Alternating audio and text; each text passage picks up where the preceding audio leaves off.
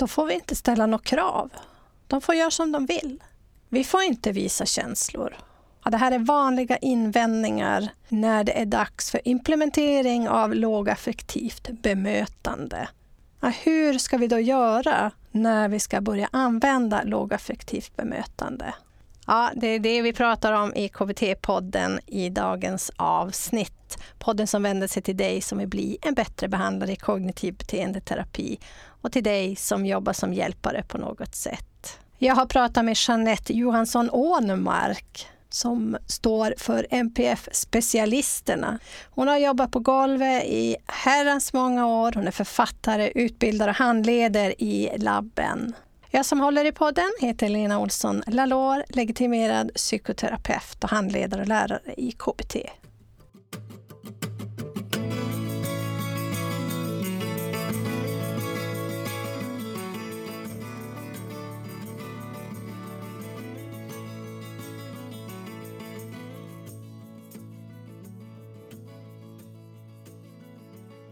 Välkommen till KBT-podden och dagens avsnitt 169 som handlar om invändningar och implementering av lågaffektivt bemötande.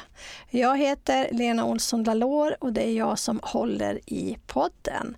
Jag har pratat med Jeanette Johansson Ånmark och nu när vi har gått igenom lågaffektivt bemötande i flera avsnitt. Du kan gå tillbaka och lyssna och titta i vår spellista på bliambattrebehandlare.se 269. Då går vi igenom principerna och vad det är som är verksamt och inte samt och verktygslådorna är hantera, utvärdera och förändra. Och då är det ju dags för implementering kanske i din arbetsgrupp och då kommer invändningarna varför ska man använda lågaffektivt bemötande? Man kan ju inte ställa några krav. Ska man bara serva? Jag får inte visa mina känslor och ska de bara få bestämma precis som de vill? Ja, det är många invändningar som kommer och det kommer vi att prata om i dagens avsnitt. Gå till poddbloggen bliabattrebehandlare.se 269 om du vill ha hela spellistan där med lågaffektivt bemötande passa på att nämna att webbkursen Hantera självskadebeteende, förstå, bemöt, förändra och förebygg risksituationer är nu lanserad. Så nu är alla välkomna att gå in på bliambattrebehandlare.se och kika där om du är intresserad av den kursen. Nu ska jag inte låta det vänta längre utan här kommer ett guldkorn från avsnittet Invändningar och implementering av labb. Mycket nöje. Och ibland så får jag höra, ja men vi har provat det här med lågaffektivt bemötande. Nej, det funkar inte, så vi gick tillbaka till det gamla. Och så ber jag dem att beskriva. Hur gjorde ni och vill ni beskriva? Och då handlar det ju oftast om, tänker jag, att man har fastnat i att bara släcka bränder man är i hanterarverktygslådan till slut. Mm. Och det räcker inte. Vi behöver också gå vidare för att sen hitta andra lösningar.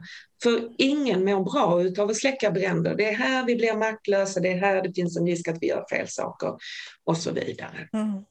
Nej, det handlar inte om att människor precis, det är inte fullständig anarki, det är inte fullständig liksom, laglöshet, utan vi lever i ett land där det finns en lagstiftning, att man inte får göra vissa saker. Det är också så att ibland möter vi personer som gör saker som är förenade med livsfara för dem själva. Vi har ett ansvar att jobba med det, men då gör vi det i det förebyggande arbetet, inte medans folk ligger ute på vägen. Utan vi behöver se till att förhindra så att det inte händer igen.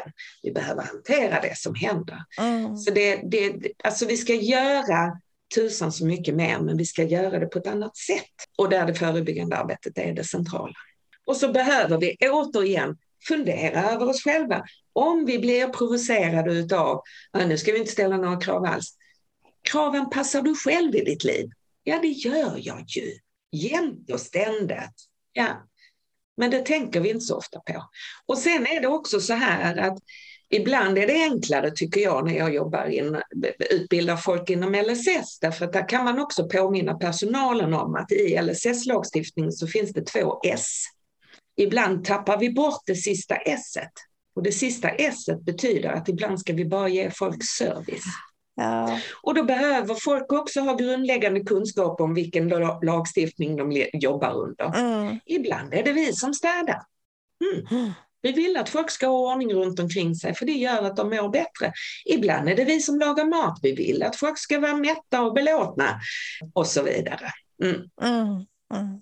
Och det här med känslor det är ju speciellt intressant. En del säger ja men man måste väl ändå få säga vad man känner eller visa vad man känner. Och, eh, och det där är ju mm. lite svårt med känslorna. Ska man alltid få visa vad man känner?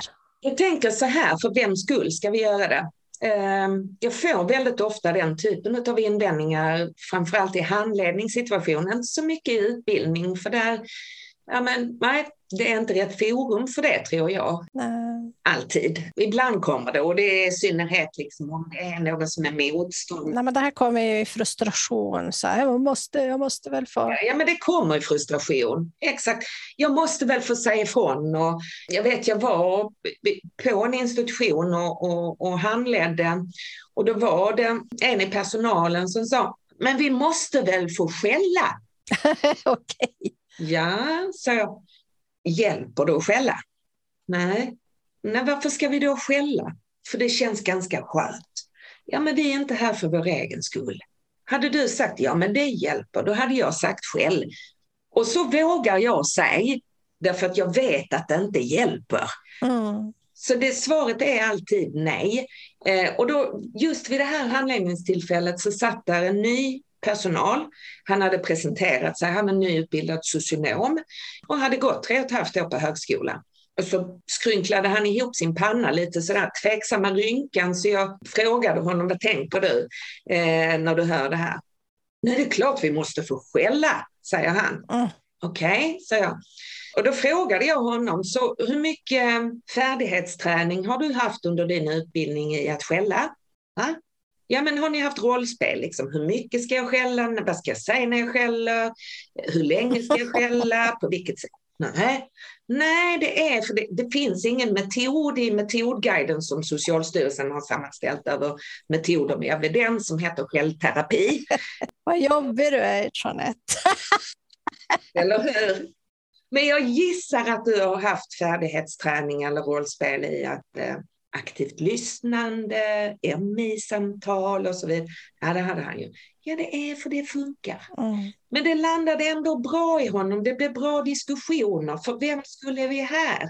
Och vi måste våga liksom prata om det. Mm. Ja, det var allt vi hade att bjuda på idag och vi tackar Jeanette så hjärtligt för att hon har delat med sig av denna kunskap som jag tycker är fantastisk att ta med sig. Du som vill lyssna på hela avsnittet kan gå in och köpa dig en prenumeration på bliambattrebehandlare.se 269. Oavsett om du har köpt en prenumeration eller inte så kan du ta del av guldkornen då förstås och också andra guldkorn som finns i spellistan där. Jag lägger också referenser och Jeanettes boktitlar. Om du vill höra mer från oss så kan du följa oss på Instagram och Fejan, bli en bättre behandlare.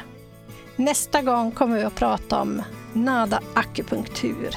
Så jag hoppas du har möjlighet att hänga på då. Tills dess, ha det så gott.